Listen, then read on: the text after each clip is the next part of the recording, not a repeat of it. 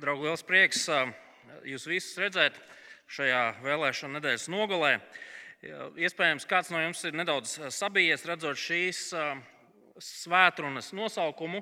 Neuztraucieties, nosaukumam nav nekāda sakara ar vakar vakarā notikušajām vēlēšanām un vēlēšanu rezultātu pasludināšanu. Mēs vienkārši esam nonākuši mūsu pirmās Jāņa vēstules studijās pie tēmas, kas saucās Antikristi. Tad mēs aicinām, ka mēs varētu arī izlasīt šīs dienas raksturvietu un lūgt, lai kungs palīdz savu vārdu arī mums pārdomājot. Lasīsim no 1. Jāņa vēstules otrās nodaļas, sākot ar 18. pāntu līdz pat 27. pantam. 1. Jāņa vēstule, otrā nodaļa, no 18. panta. Bērniņi ir pēdējā stunda, un jūs esat dzirdējuši, ka nāk antikrists. Jo tagad ir cēlušies daudzi antikristi. No tā mēs zinām, ka ir pēdējā stunda. Viņi izgāja no mums, bet nebija mūsējie. Ja tie būtu bijuši mūsējie, tie pie mums būtu palikuši, bet viņi izgājuši, lai atklātos, ka tie visi nav mūsējie. Bet jums ir svaidījums no svētā, un jūs visi to zināt. Ne tādēļ es jums esmu rakstījis, ka jūs nezināt patiesību, bet tādēļ, ka jūs to zināt. Nekādi meli nav no patiesības. Kas ir melis, ja ne tas, kas noliedz, ka Jēzus ir Kristus? Tas ir antikrists, kas noliedz tēvu un dēlu. Katram, kas noliedz dēlu, nav arī tēva. Kas apliecina dēlu, tam ir arī tēvs. Ko jūs no iesākuma esat dzirdējuši, lai tas paliek jūsos. Ja jūsos paliks tas, ko esat dzirdējuši no iesākuma, tad arī jūs paliksiet dēlā un tēvā. Šis ir tas apsolījums, ko viņš mums ir solījis - mūžīgā dzīvība. To es jums esmu rakstījis par tiem, kas jūs maldina. Un lai jūsos paliek tas svaidījums, ko jūs no viņa esat saņēmuši. Un jums nevajag, ka jūs kāds mācītu, bet kā viņa svaidījums jums māca visu, un ir patiesa un nav meli, un kā viņš jūs ir mācījis, tā palieciet viņā. Tas ir Dieva vārds. Amen. Lūksim. Šis ir tas apsolījums, ko Viņš mums ir solījis mūžīgā dzīvība. Dabas Tēvs, mēs Tev pateicamies par to, ka caur ticību Jēzum Kristum mums ir pieejama grēku piedošana un patiesi dzīvība, kas nebeidzas. Lūdzam, palīdz mums šajā pēcpusdienā, pārdomājot Tavu skaidro vārdu, stiprināt savu iekšējo cilvēku, lai tas varētu ar prieku un pacietību dzīvot tev, atmetot visus māņus. Lūdzam, Jēzus vārdā. Amen. Jūs bijāt šeit starp mums iepriekšējā svētdienā, tad mēs redzējām, ka Jānis savu rakstām, rakstu vietu nobeidz ar domu, ka pasaule un viss, kas pasaulē pastāv, kādu dienu beigsies. Šī pasaule nav mūžīga. Kādu dienu tai, tam visam, ko mēs redzam, ko mēs jūtam, ko mēs varam ar maņām iztaustīt un izgaršot, tam visam tiks pielikts punkts. Un interesanti, ka mūsdienu zinātnieki piekrīt Jānim. Patiesi mēs varam lasīt dažne dažādu nozaru lielos vīrus un sievas, kas tās lietas saprot. Viņi runā par to, ka jā, visticamāk kosmosam visumam pienāks gals. Visums izplešās, viņš sabruks. Tāpat mēs nevaram prognozēt dažādas saules vētras, kas var ietekmēt to, kā visas lietas notiek mūsu galaktikā. Cilvēki runā par supervulkāniem, kas var visu vienkārši noslaucīt no Zemes virsmas ar saviem toksiskajiem putekļiem un vispārējo. Cilvēki runā par asteroīdiem.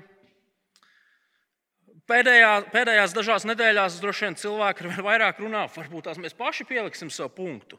Nu, iedomājieties, ja sāks lidot raķetes, kas var uzspridzināt visu. Vai tiešām cilvēcei punktu pieliks ļauni un muļķīgi cilvēku lēmumi? Apostols Jānis saka, ziniet, pasaulē gals var patiesībā pienākt iespējams daudz ātrāk. Un ne tā, kā mēs kopā ar zinātniekiem spriedelējam.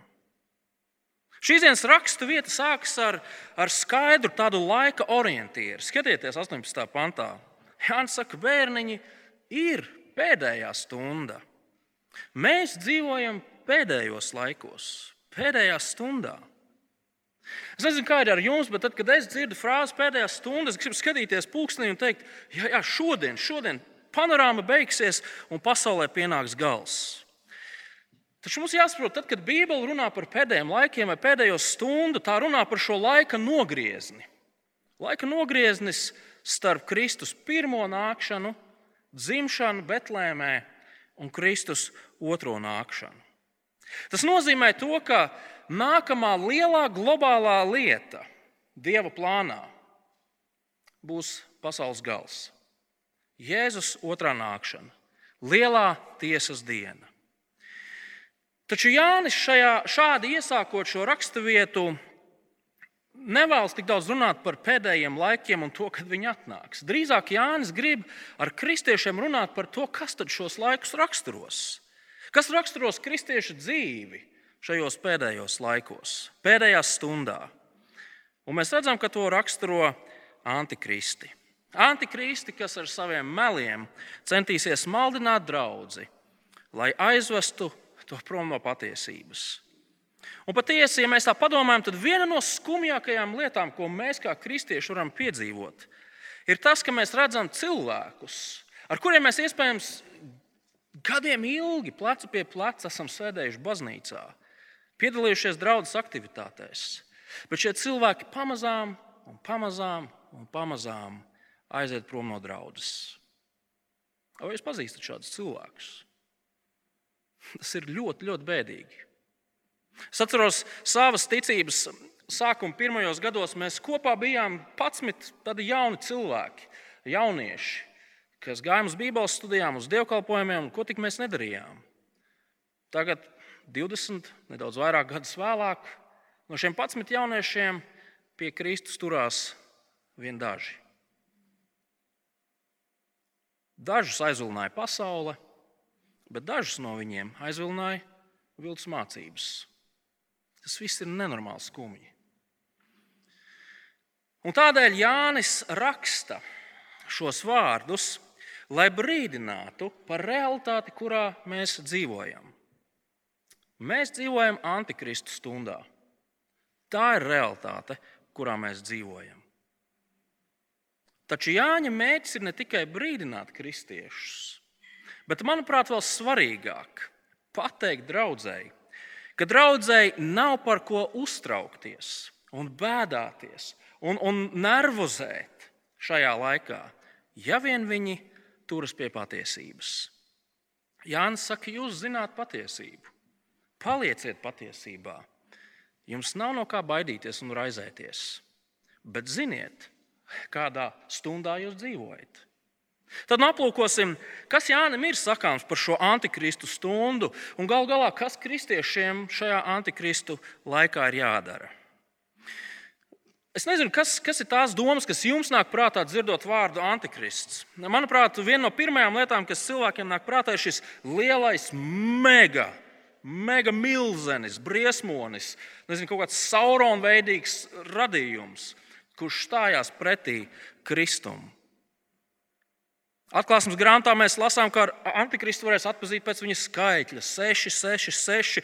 Un mēs savā cilvēciskajā zinkārībā sākam skaitīt burtus cilvēku vārdos. Mēs sākam skatīties, vai viņu personas kodā gadījumā nav 6, 6, 6, 6.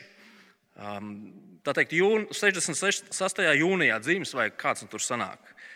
Pirmajā gadsimtā cilvēku uzskatīja kā neirons jeb kāds cits imperators ir šis milzīgais antikrists. Luters un citi reformatori teica, ka tas antikrists ir pāvests un visi viņa biskupi. Šodien iespējams kāds no mums gribētu teikt, zina, Putins ir antikrists. Nu, saskaitiet, cik viņa vārd, uzvārdā ir burti. Seši. Sakartība. Draugi, šajā brīdī noliksim malā visas šīs spekulācijas jo tās ir neauglīgas un patiesībā tās mūs novērš, mūsu domas novērš no tā, ko Jānis šajā dienā mums grib pateikt. Kad Jānis runā par antikristiem, viņš ir daudz piezemētāks. Es pamanu, viņš saka, ir daudz antikristi, ne tikai viens. Un viņš pasaka par šiem antikristiem trīs lietas. Pirmkārt, viņš saka, ka antikristi ir parādība, kas raksturo laiku, kurā mēs visi dzīvojam. Skatieties, 18. pantā vēlreiz. Bērniņi ir pēdējā stunda, un jūs esat dzirdējuši, ka nāk antikrists. Jau tagad ir cēlušies daudzi antikristi. No tā mēs zinām, ka ir pēdējā stunda. Redziet, laiku pirms Jēzus otrās nākšanas raksturos šādi antikristi. Redzot šos antikristus, cilvēks zinās, ka viņi dzīvo pēdējā stundā. Tieši tāpat, kā tad, kad no kokiem krīt lapas, rudenī vai nē, mēs zinām, ka tūlīt būs ziema. Mēs precīzi nezinām, agrāk vai vēlāk, bet tā noteikti atnāks. Un lapu krišana ir neapšaubāms zīme tam. Un tādēļ mums nevajadzētu būt par, pārs, par to pārsteigtiem.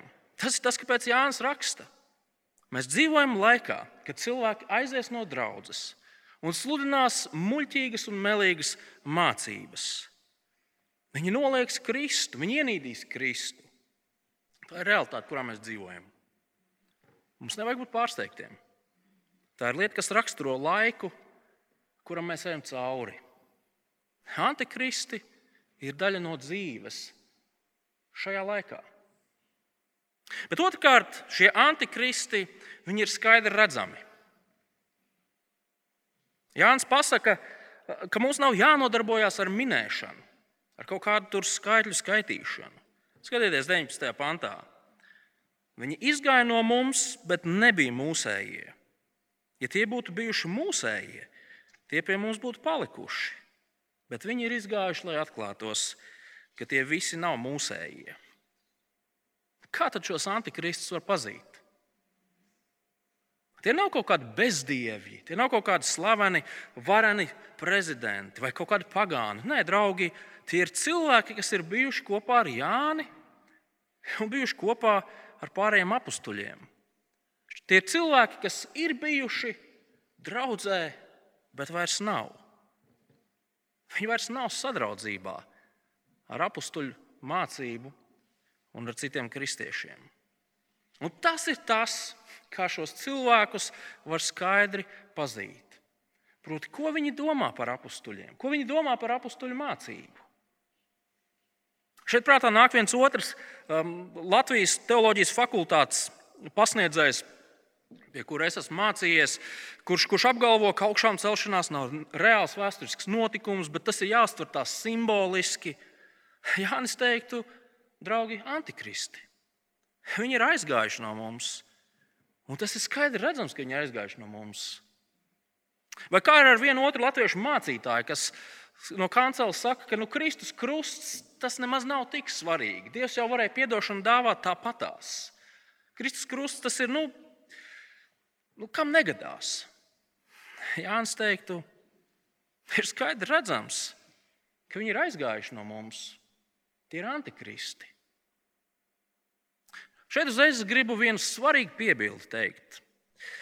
Redziet, Jānis par antikristiem nesauc visus kristiešus, eh, es atvainojos cilvēkus, kas kādreiz ir bijuši draudzē un tad ir aizgājuši projām no draudzes.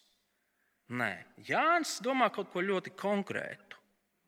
Viņš par antikristiem uzskata cilvēkus, kas ir bijuši draudzē, ir aizgājuši no draudzes un tagad mērķiecīgi un apzināti maldina citus cilvēkus. Tie ir cilvēki, kuri vēlas, lai citi sekotu viņu sludināšanai. 26. pantā skatieties, to es jums rakstīju par tiem, kas jūs maldina. Tie ir cilvēki, kas aktīvi māca kaut ko, kas nav patiesa. Nedaudz tālāk, 4. nodaļas 1. pantā Jānis viņus nosauc par viltus praviešiem. Tie cilvēki, kas, kas, kas teica, Dievs ar mani runā, vai caur mani runā, tādēļ klausieties.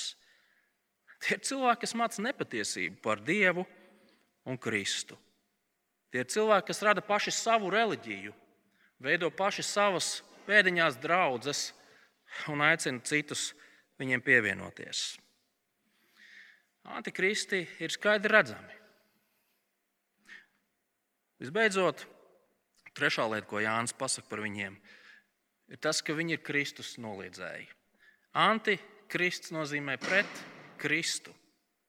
Un ir vairākas lietas, kuras Jānis savā vēstulē piemin, runājot par šiem antikristiem, šiem viltie, viltus praviešiem. Bet šīs dienas raksturvietā viņš min vienu svarīgu lietu. Skatieties no 22. panta. Kas ir melis, ja ne tas, kas noliedz, ka Jēzus ir Kristus? Tas ir antikrists, kas noliedz tēvu un dēlu. Katram, kas noliedz dēlu, nav arī tēva. Vai jūs redzat, ko viņš dara? Ko viņi dara? Viņi nenoliedz to, ka Jēzus būtu dzīvojis. Cilvēks, kurš noliedz to, ka Jēzus ir vēsturiska persona, ir muļķis. Nevis antikrists. Viņš ir muļķis tādēļ, ka viņš vienkārši nav spējīgs atzīst vēsturiskus faktus, neapgāžamus vēsturiskus faktus. Taču cilvēks, kurš savā mācībā maldina citus, sakot, ka Jēzus nav Kristus, tas ir pilnīgi kaut kas cits. Tas ir antikrists, tas ir melis, tas ir viltnieks. Redziet, es pieņemu, ka nu, visi, visi mēs zinām, ka Kristus, Kristus nav Jēzus uzvārds. Pareizi. Mēs visi to zinām. Kristus ir viņa tituls. Kristus ir Jēzus tituls. Tas norāda uz to, ka Jēzus, šis cilvēks, patiesībā ir dievišķais valdnieks vēl vairāk. Viņš ir dievišķais valdnieks, kurš ir nācis no debesīm. Viņš ir pats Dievs. Un viņš ir nācis šajā pasaulē kā cilvēks. Un antikristi to noliedz. Viņiem Jēzus nav nekas vairāk par labu cilvēku, gudru skolotāju, iedvesmojošu piemēru.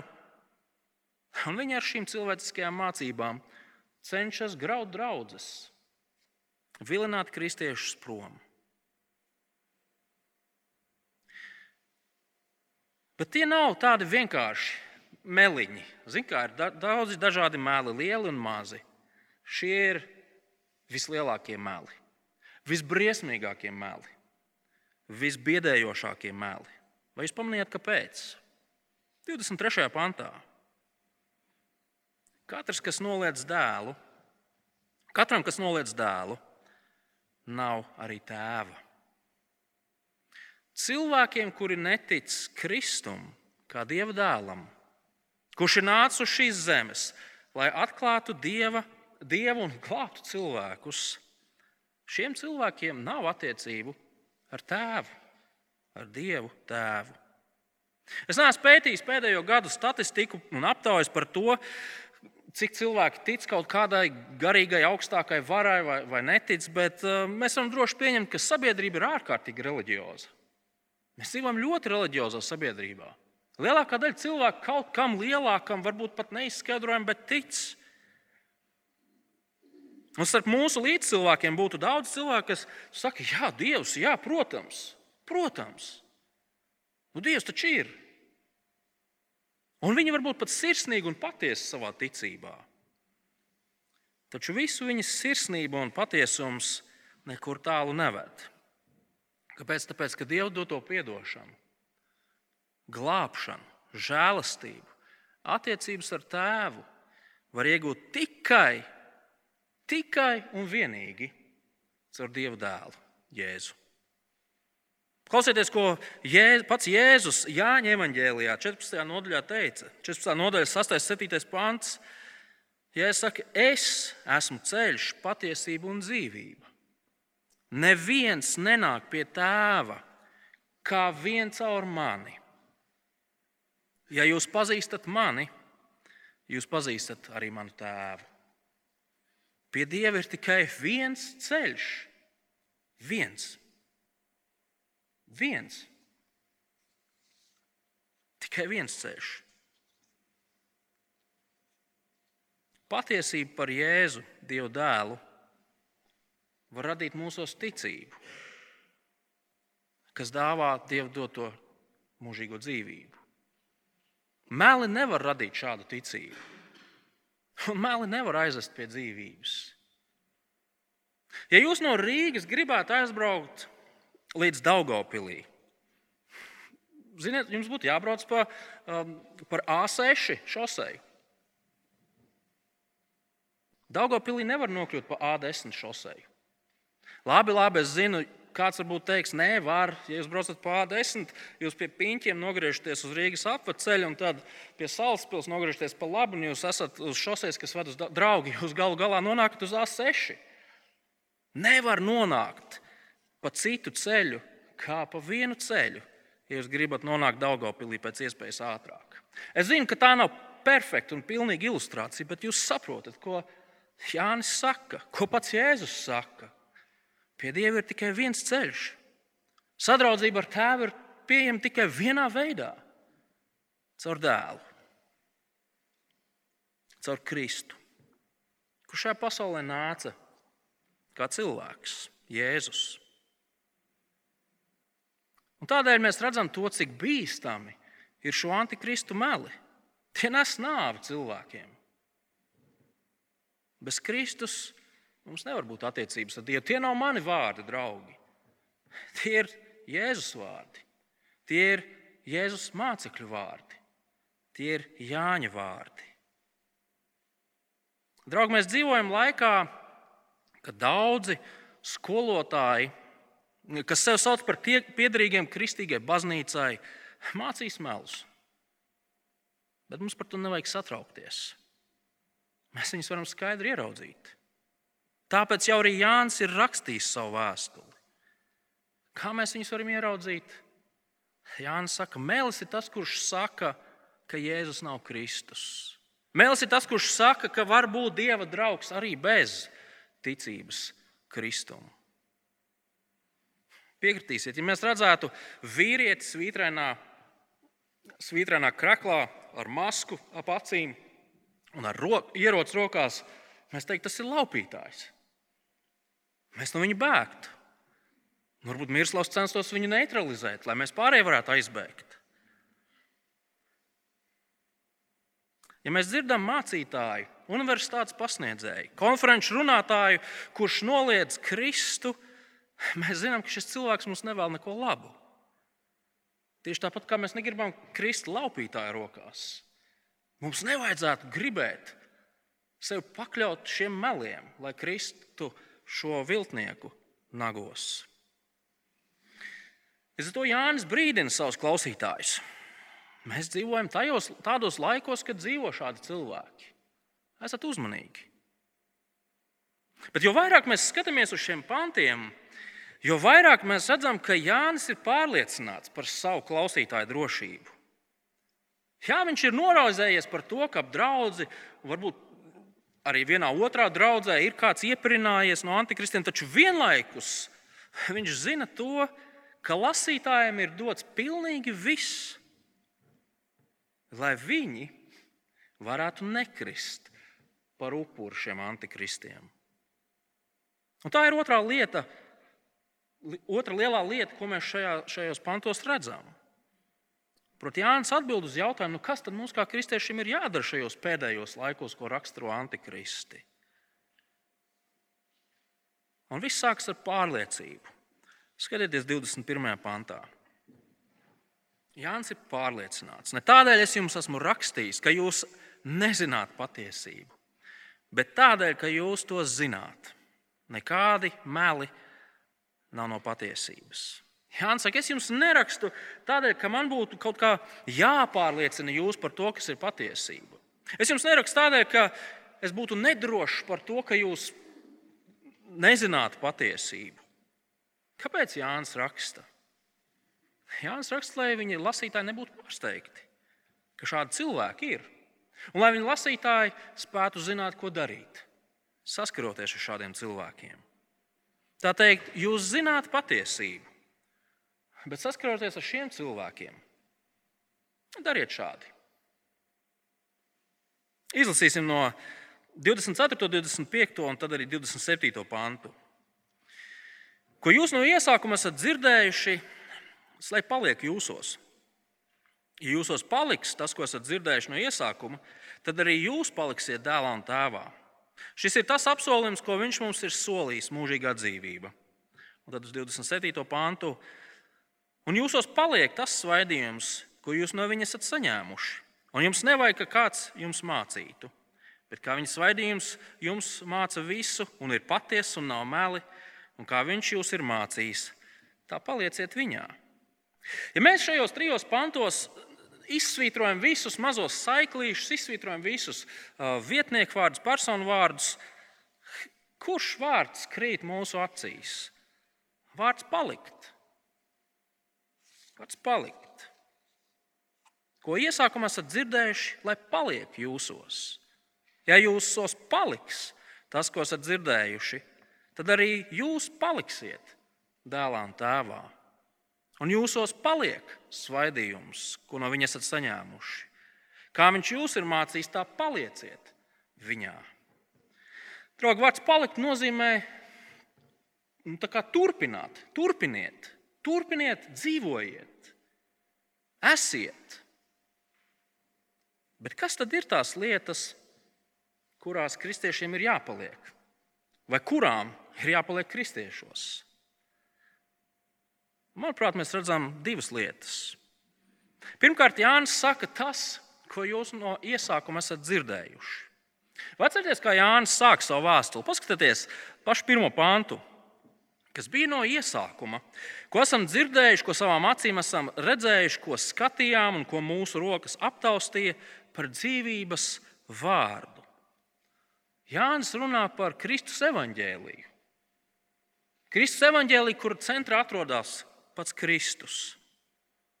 Ja mūsos paliek, vai mēs paliekam, vecajā labajā Kristus evaņģēlijā, tad saskaņā ar Jāņa vārdiem mēs varam būt droši, ka mums būs sadraudzība ar Dievu, ar dēlu un tēvu. Ja mēs paliekam viņa vārdā, mēs esam sadraudzībā ar viņu. Ja mēs paliekam viņa vārdā, viņš paliek mūsos. Un tad ir otra lieta - svaidījums. Kas tas tāds? Svaidījums ir svētais gars. Svētais gars, ko līdzīgi kā apstuļu darbu otrajā nodaļā, kad viņš izlējās par visiem Jeruzalemes kristiešiem, tas pats gars iemājo pilnīgi ikvienā kristietī, kurš uzticās Kristum. Kristietis ir cilvēks, kurš caur Dieva vārdu, ticību Dieva vārdam, saņem grēku piedošanu un Dieva garu. Dieva vārds un Dieva gars Divas lietas, kas paliek kristiešos. Un šīm lietām paliekot kristiešos, kristieši paliek dēlā un tēvā. Turpiniet palikt, turpiniet dzīvot patiesībā, kas ir vārds un par ko liecina gars. Reizēm cilvēki saka, ka mēs dzīvojam gara laikmetā, un ar to, ar to viņi domā, ka gars kaut kādā veidā atklāja kaut ko jaunu, vai, vai kaut kādā īpašā veidā to pašu veco. Bet tas nav pareizi. Gars kristiešiem palīdz saprast un atcerēties to, ko viņi ir dzirdējuši no iesākuma. Veco labo Kristus evaņģēliju. Ko tad kristietim darīt, dzīvojot pēdējās stundās?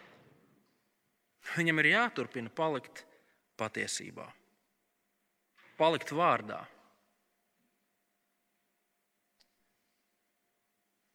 Esiet uzticīgi, esiet noturīgi, esiet evaņģēlīji draugi, nevis patērētāji. Jūs zināt, kā atšķirās draugi no patērētājiem. Draugi ir cilvēki, kuri ir kopā ar mums priekos un bēdās. Lai kādiem laikiem mēs neietu cauri, Draugi ir tur. Draugi nav perfekti, bet viņi ir līdzās. Patērētājs. Uzzinot par to, ka tūlīt, tūlīt nāks ārā jaunākais modelis, veco modeli, saka, draugiņ, tev drīz būs vieta atvilknē.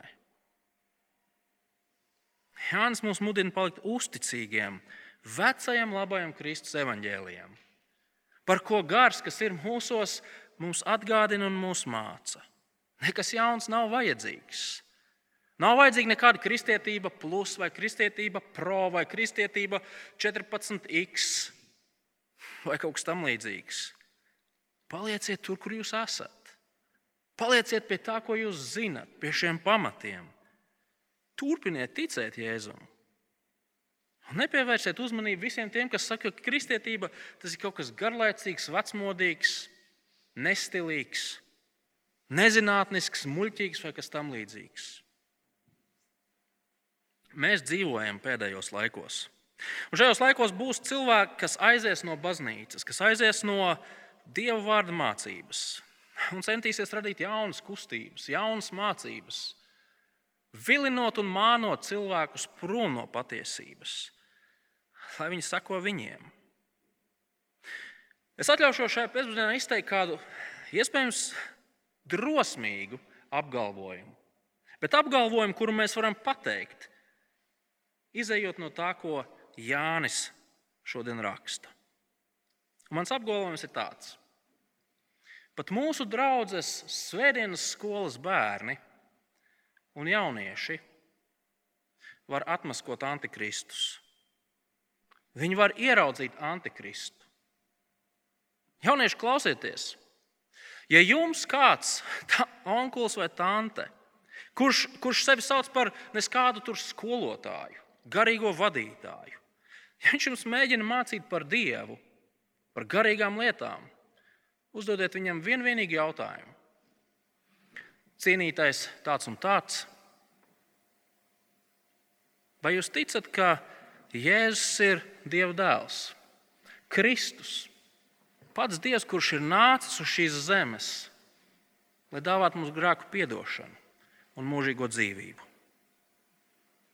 Tas, kurš uz šo jautājumu nespēja atbildēt ar skaidru jā, amen, ir cilvēks, no kura jums un arī mums visiem pārējiem būtu jāuzmanās. Jānis saka, tas ir tik vienkārši. Skatieties, 27. pantā. Un lai jūsos paliek tas svaidījums, ko jūs no viņa esat saņēmuši, un jums nevajag, ka, jums, ka jūs kāds mācītu. Ko, ko Jānis domā ar šo, šiem pēdējiem vārdiem? Jums nevajag, ka kāds jūs mācītu. Draugi, tas nenozīmē to, ka mums nav jāmācās, vai ka mums nevajag, lai kāds mūs mācītu. Pretējā gadījumā Jānis nerakstītu vēstuli kristiešiem, lai mācītu kristiešus pareizi. Nu, tā ir elementāra loģika. No raksturvietas konteksta mēs redzam, ka kristiešiem, cilvēkiem, kas, kas paliek vārdā un garā, nav vajadzīgi izsmalcināt argumenti. Viņiem nav jā, jāpabeidz teoloģijas fakultāte vai teoloģijas seminārs. Fakultāte nemaz neiet, bezjēdzīga laika izniekošana. Jums nav vajadzīgs viss šīs zināšanu kalns, lai varētu ieraudzīt antikristu tajā brīdī, kad viņš atver muti. Mēs varam visi atmaskot viņu. Ik viens kristietis, kurš zina, ka Jēzus ir Kristus, ik viens kristietis zina, ka noliedzot to, ka Jēzus ir Kristus, nozīmē sakot meliem, kas neved pie sadraudzības ar tēvu un kas gal galā neved pie dzīvības. Mūsu ticība un mūsu pārliecība, Jāņa prātā, ir ļoti vienkārša. Tā ir vienkārša, bet tā ir droša. Ja mēs apliecinām, ka ticam tam, ka Jēzus ir šis Dieva dēls, mums ir attiecības ar Tēvu tik vienkārši, bet tik fundamentāli. Mēs šo patiesību mācām saviem bērniem Svētdienas skolā. Miroslavs ar savu komandu šo patiesību māca jauniešiem. Draugi, šo patiesību mēs klausāmies arī šeit, Svētdienās. Mēs par šo patiesību dziedam savās dziesmās, mēs šo patiesību pieminam tad, kad mēs lūdzam Dievu. Tā ir vienkārši patiesība, bet tik fundamentāla, tik fundamentāla un tādu drošību dodoša. Šis ir tas apsolījums, 25. pāns, ko viņš mums ir solījis. Mūžīgā dzīvība. Draugi, šī pasaule un viss, kas tajā, pavisam noteikti paies. Tā beigs pastāvēt. Bet līdz pat tai dienai, kad tas notiks, mēs piedzīvosim slimības, karus, piedzīvosim sēras, bēdas, piedzīvosim dažādas eh, kaitas, kataklizmas, varbūt kādu asteroīdu piedzīvosim, varbūt kādu atombumbu piedzīvosim. Bet mēs, kā dievu ļaudis, varam būt droši, ka mūs sagaida mūžīgā dzīvība.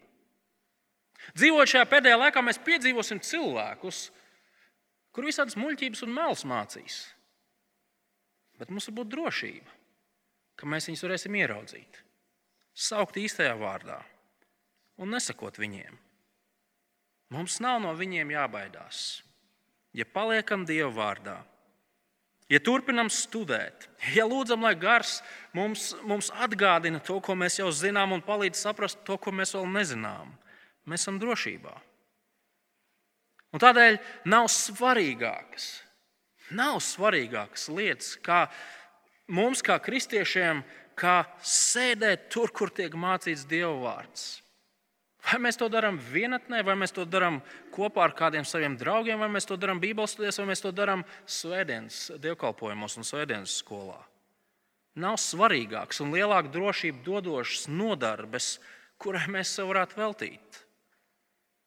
Un tieši tādēļ, draugi, mēs sakām, ka dievkalpojuma centrālā lieta ir sprediķis. Nevis tāpēc, ka es viņu saku, bet tāpēc, ka Dieva vārds ir tā lielā drošība, kas mums visiem ir nepieciešama. Tieši tāpēc mēs sakām, ikvienam mūsu draugu loceklim ir jāpiedalās Bībeles studijās, Svētdienas skolā. Nav svarīgi, kādā formātā, bet tas ir mūsu pašu drošības labad. Visbēdīgākais ir redzēt, tad, kad mūsu draugi, ar kuriem mēs gadu desmitiem varbūt pat esam sēdējuši vienā solā, ka viņi aiziet un sako meliem, ka viņi atkrīt no ticības.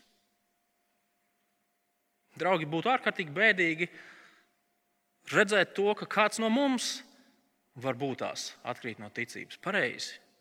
Nu, pa lielam, nu, tā būtu visbēdīgākā lieta, ko mēs kā draugi varētu piedzīvot. Jānis saka, jūs varat būt droši, ja jūs turaties pie patiesības. Jūs noiesiet līdz galam par spīti visam tam, kas ap jums notiek. Un jūs saņemsiet to, ko Dievs jums ir solījis mūžīgo dzīvību. Tad, nu, draugi, būsim visi kopā uzmanīgi un gādāsim par to, lai mēs visi, citu, citu pieskatīdami, varētu stāvēt uz šī drošā, vienkāršā, bet drošā un fundamentālā ticības pamata. Lūksim Dievu! Debes Tēvs patiesi, Tu saviem ļaudīm esi solījis mūžīgo dzīvību. Tas ir tik droši kā nekas cits šajā pasaulē. Taču vienlaikus, līdz mēs to piedzīvojam savā dzīvē, pilnā apjomā, mēs saskarsimies ar dažādām grūtībām, ar dažādiem izaicinājumiem, dažādiem kārdinājumiem.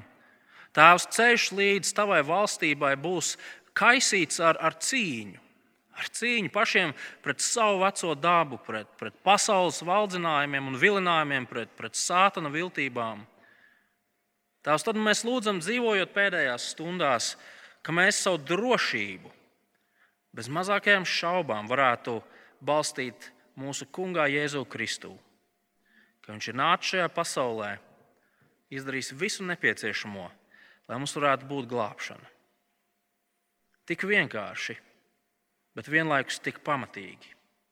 Tās dod, ka mēs varētu līdz tam brīdim, kas mums ir veltīts dzīvei šīs pasaules, varētu turēties pie šīs patiesības un pieskatīt viens otru un vienlaikus sludināt šo patiesību, lai mūsu pulkam pievienojas vēl daudzi, jo daudzi citi. To mēs lūdzam Kristus vārdā. Amen.